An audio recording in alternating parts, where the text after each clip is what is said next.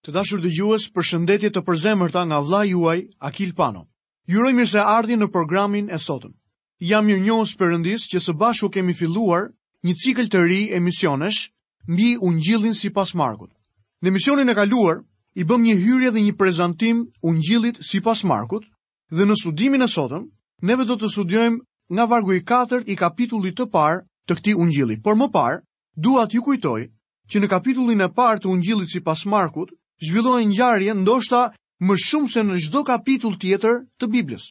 Në të përfshihet shërbesa e Gjon Pagëzorit dhe më pas shohim që ai kthehet prapa në profecitë e Isaisë dhe të Malakisë. Ungjilli sipas Markut fillon me vitin e parë të shërbesës së Jezusit. Vazhdon me një ditë të ngarkuar të shtune dhe përfundon me mrekullinë e shërimit të një lebrozi. Në të do të shohim se pavarësisht nga presioni i një jete tepër të ngarkuar, Jezusi gjente gjithmonë kohë që të lutej. Ungjilli sipas Markut është i ngjeshur me informacione të të gjitha llojeve. Megjithatë, aty të bie në sy mungesa e gjenealogjisë që ishte kaq shumë e dukshme tek Ungjilli sipas Mateut. Ne tashmë e dimë arsyen e gjithë këtij informacioni. Një mbret duhet të ketë patjetër një gjenealogji. ndërkohë që një shërbëtori i nevojiten më tepër referencat se sa një certifikatë lindje.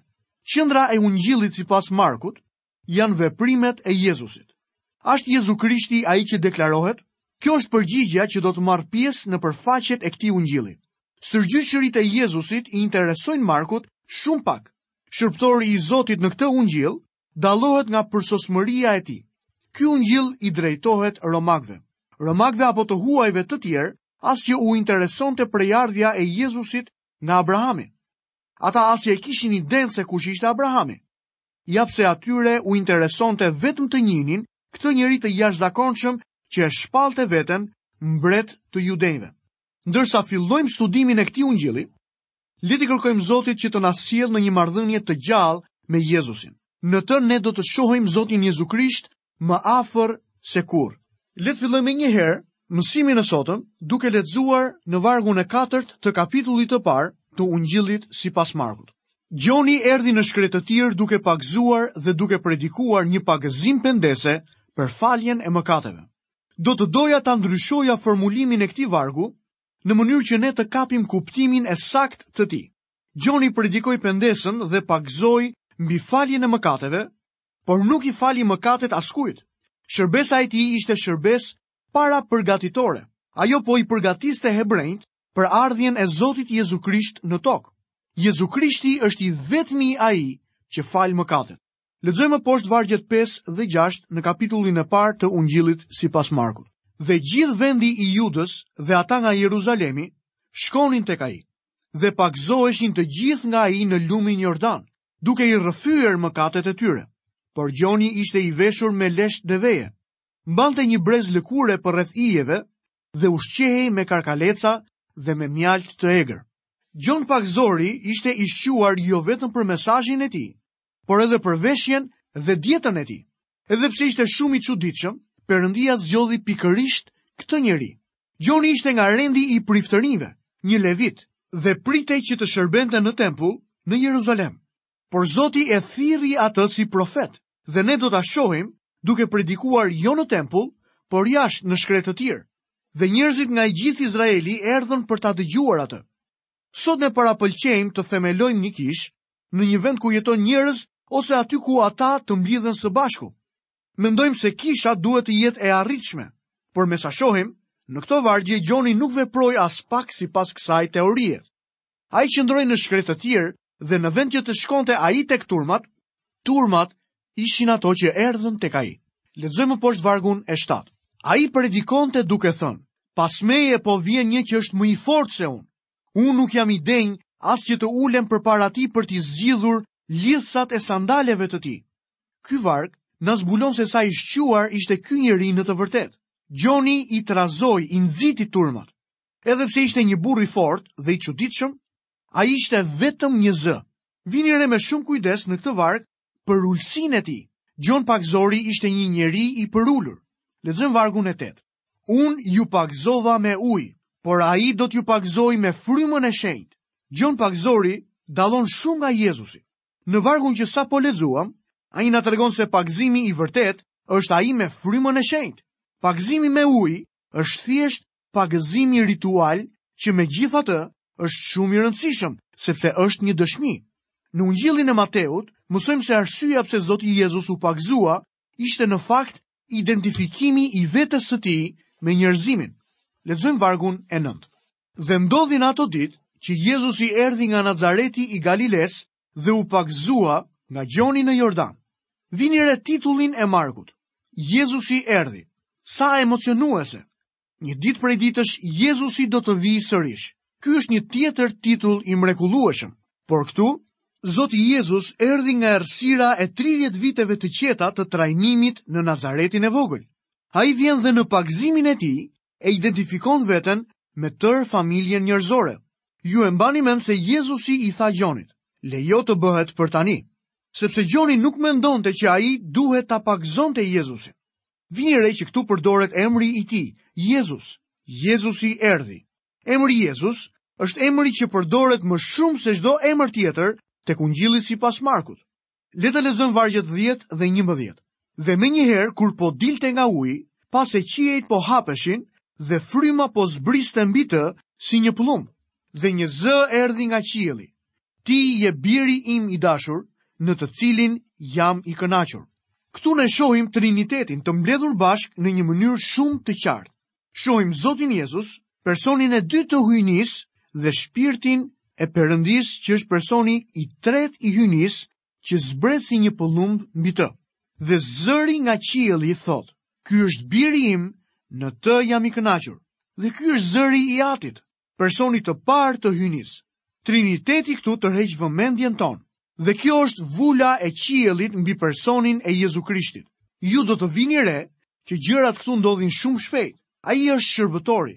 Gjon Pagëzori është i pari që e prezanton dhe pastaj Ati Perëndi e identifikon dhe vendos vulën e tij mbi të.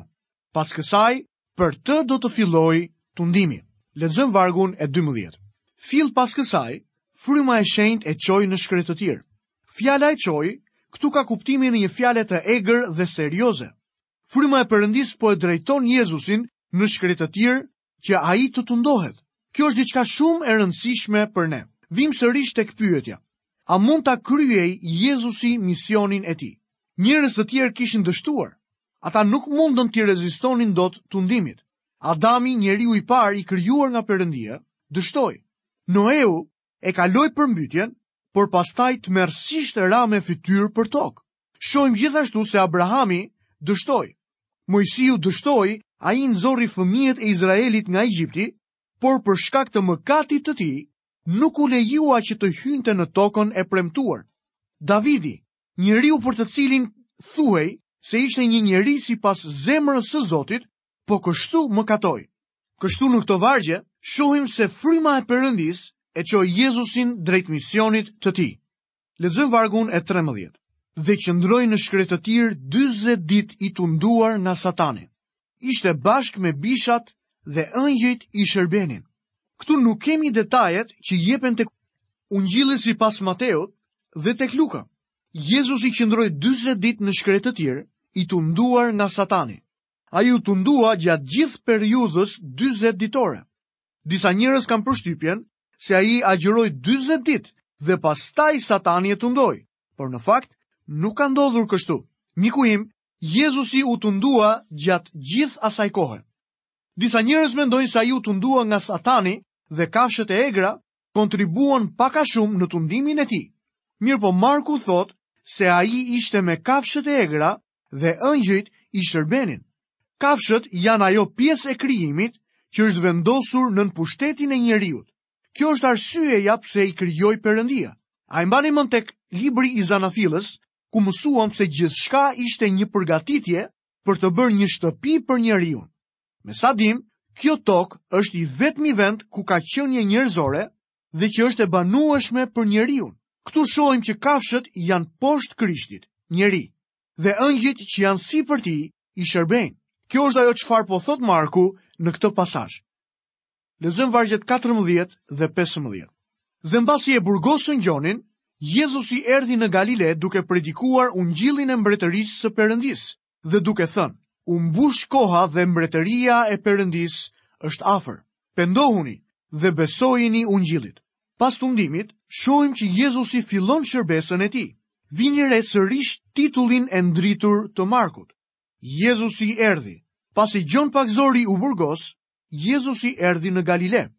Ai fillon shërbesën e tij, duke predikuar ungjillin e Perëndisë, duke thënë që koha ishte përmbushur dhe mbretëria e Perëndisë ishte afër. Shprehja ungjillin e Perëndisë nuk ndodhet në manuskriptet e hershme dhe unë personalisht mendoj se duhet të jetë duke predikuar ungjillin e Perëndisë dhe duke thënë koha u përmbush.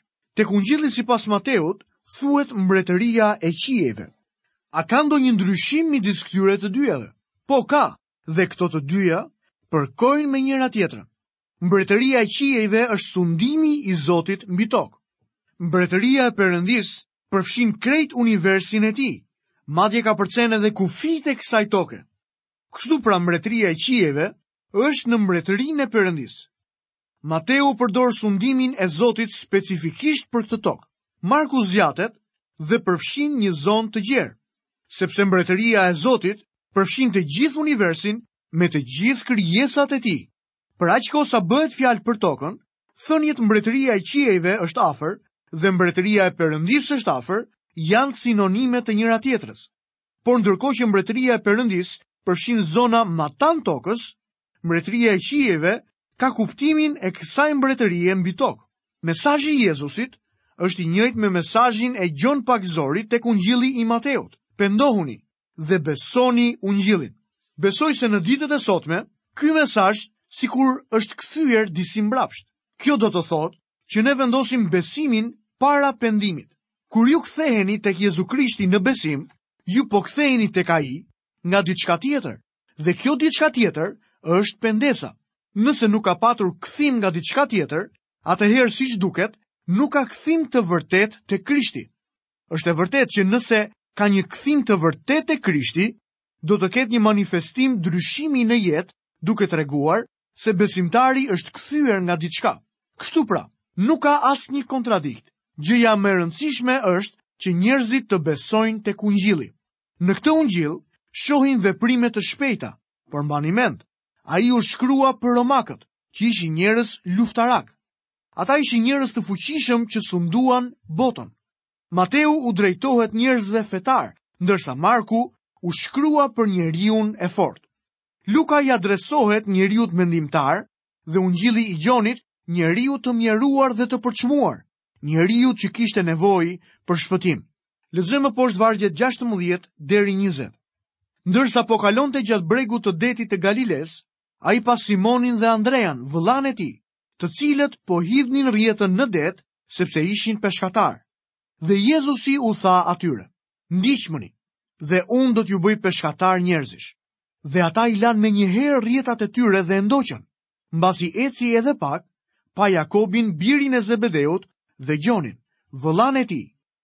të cilët ndreqnin rrjetat e tyre në barkë, dhe i thirri menjëherë, dhe ata e lanë atin e tyre Zebedeun në barkë me mëditësit dhe e ndoqën.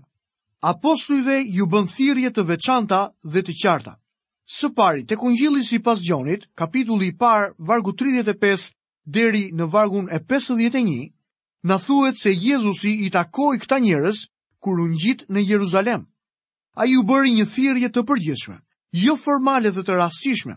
Ata donin të dinin se ku banonte ai, sepse Gjon Pagëzori e kishte shpallur atë dhe disa nga dishepujt e Gjonit e ndiqnin atë. Por ata nuk qëndruan me Jezusin. Ata u kthyen sërish mbrapsht tek peshkimi i tyre në Galile. Tek Ungjilli sipas Markut, shohim që në fillim të shërbesës së Zotit tonë, ai është duke ecur buzë detit.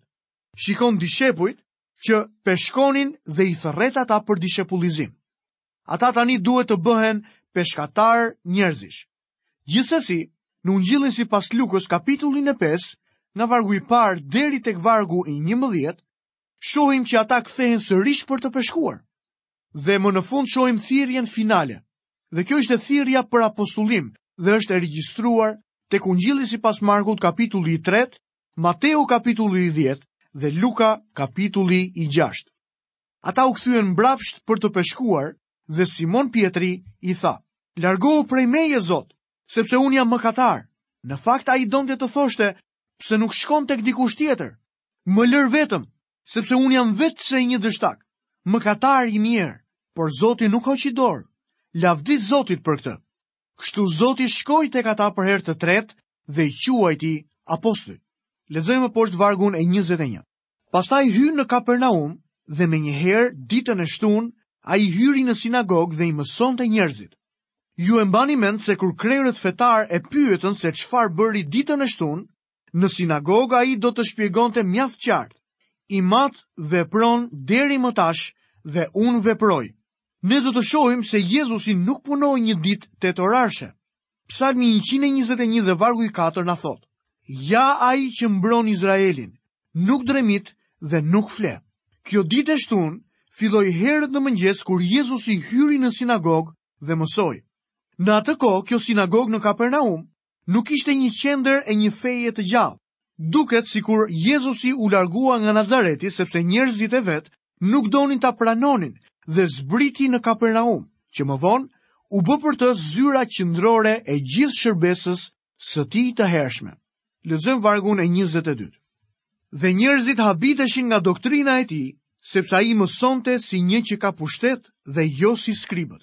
Këtu shohim efektin e fuqisë së të vërtetës dhe sjelljen e këtij njeriu. Kritika kundër kishës dhe shërbesës sot është se ato nuk flasin me autoritet. Arsyeja se pse shërbesa nuk flet me autoritet është se ne kemi humbur besimin. Kur them ne, Nuk dua të them që unë kam humbur besimin. Me këtë dua të them, ne si një klasë shoqërore kemi humbur besimin. Shërbesa sot nuk përpiqet të predikojë dhe të mësojë fjalën e Zotit. Ka një shmangje nga e vërteta dhe një degëzim midis katedrës së kishës dhe fjalës së Zotit. Në atë kohë, sinagoga nuk ofronte asgjë të gjallë. Dhe kur Zoti ynë foli, ata u mahnitën nga doktrina e tij. Lexojmë vargjet 23 dhe 24. Atëherë në sinagogën e tyre ishte një njeri i pushtuar nga një frymë e ndyrë, i cili filloi të bërtasë duke thënë, Ç'ka midis nesh dhe teje, o Jezus Nazareas? A erdhe të na shkatërrosh? Unë e di kush je, i shenjti i Perëndisë. Mrekullia e parë në Ungjillin e Markut është në fushën shpirtërore. Vetëm Zoti është në kontroll në fushën shpirtërore. Ai është në kontroll të demonëve. Kur neve shfletojmë të dhënat historike, ato na tregojnë që demonizimi ka qenë i shfrenuar në të gjithë kohën e perandorisë romake. E vetmja mënyrë me anë të së cilës mund të përballemi me demonët është nëpërmjet Zotit Jezus, sepse vetëm ai mund të lëvizë në këtë fushë. Kjo është arsyeja pse Marku na jep këtë si mrekulli të parë. Ai e sjell këtë mrekulli së pari, sepse Jezusi ka fuqi në këtë fushë dhe më pas janë edhe dy gjëra që duhen nënkuptuar. E para, Jezusi ka fuqi në këtë fushë dhe e dyta, vetëm Zoti mund të bëjë gjëra të tilla. Ju mund ta shihni që kjo është një pjesë e dëshmisë së Jezusit. Jezusi ka autoritet si në botën e dukshme, ashtu edhe në atë të padukshme. Ai ka fuqi. Bibla thotë se Jezusi mësoi si dikush që kishte autoritet dhe tani ai po tregonte që e ka këtë fuqi. Nëse jeni të vetëdijshëm për atë që po ndodh në kulturën bashkëkohore, do të kuptoni që adhurimi i satanit është bërë shumë i dukshëm. Sot po ndodhin shumë gjëra në fushën e okultit të cilat mund të shpjegohen vetëm si gjëra satanike ose supernatyrore. Ju nuk mund ta shpjegoni dot logjikisht se pse të rinjtë largohen nga shtëpitë e tyre kur gjatë gjithë kohës kanë qenë kaq shumë të dashur për t'u bashkuar me një bandë rrugaçe që vjedh dhe vret këdo që i del përpara. Duket e pabesueshme, por fatkeqësisht është e vërtetë. Kjo është satanike, miqtë e mi. Dhe në qoftë se vazhdon ne do të shohim kudo posejdimin nga demonët. Miqtë e mi, në këtë situatë ka vetëm një rrugë për t'i dalë mbanë dhe ky është emri i Zotit Jezu Krisht. Ai është i vetmi që mund t'i kontrollojë demonët. Kjo është mrekullia e parë që na jepet tek Ungjilli sipas Markut. Lexojmë poshtë vargjet 25 deri 27. Por Jezusi e qortoi duke thënë: "Hesht dhe dil prej tij." Dhe fryma e ndyrë Mbasi e sfiliti dhe duke lëshuar një britëm të madhe, doli prej tij. Dhe të gjithë u mahnitën aq shumë, saqë pyesnin njëri-tjetrin duke thënë, Vallë, ç'është kjo? Çfarë doktrine e re qenka kjo? Ky i urdhëroka me autoritet edhe frymërat e ndyra, dhe ato i binden. Vini re miqtë e mi. Jezusi po tregon fuqinë dhe autoritetin në mësimet dhe në mrekullitë e tij, dhe ata nuk mund ta kuptojnë dot këtë gjë. Jezusi ka autoritet të cilin ata nuk mund ta kuptojnë. Vargu 28 Dhe fama e tij u përhap menjëherë në mbarë krahinën përreth Galilesë. Të dashur dëgjues, këtu kemi mbërritur dhe në fundin e programit të sotëm. Jam mirënjohës Perëndisë që keni qëndruar së bashku me mua përgjatë gjithë këtyre minutave dhe ju kujtoj që në emisionin e ardhshëm do të ndalemi sërish tek i njëjti kapitull, pra te kapitulli i parë i Ungjillit sipas Markut në studimin tonë. Deri atëherë, bekimet e Perëndisë dhe paqja e tij qofshin në jetën tuaj.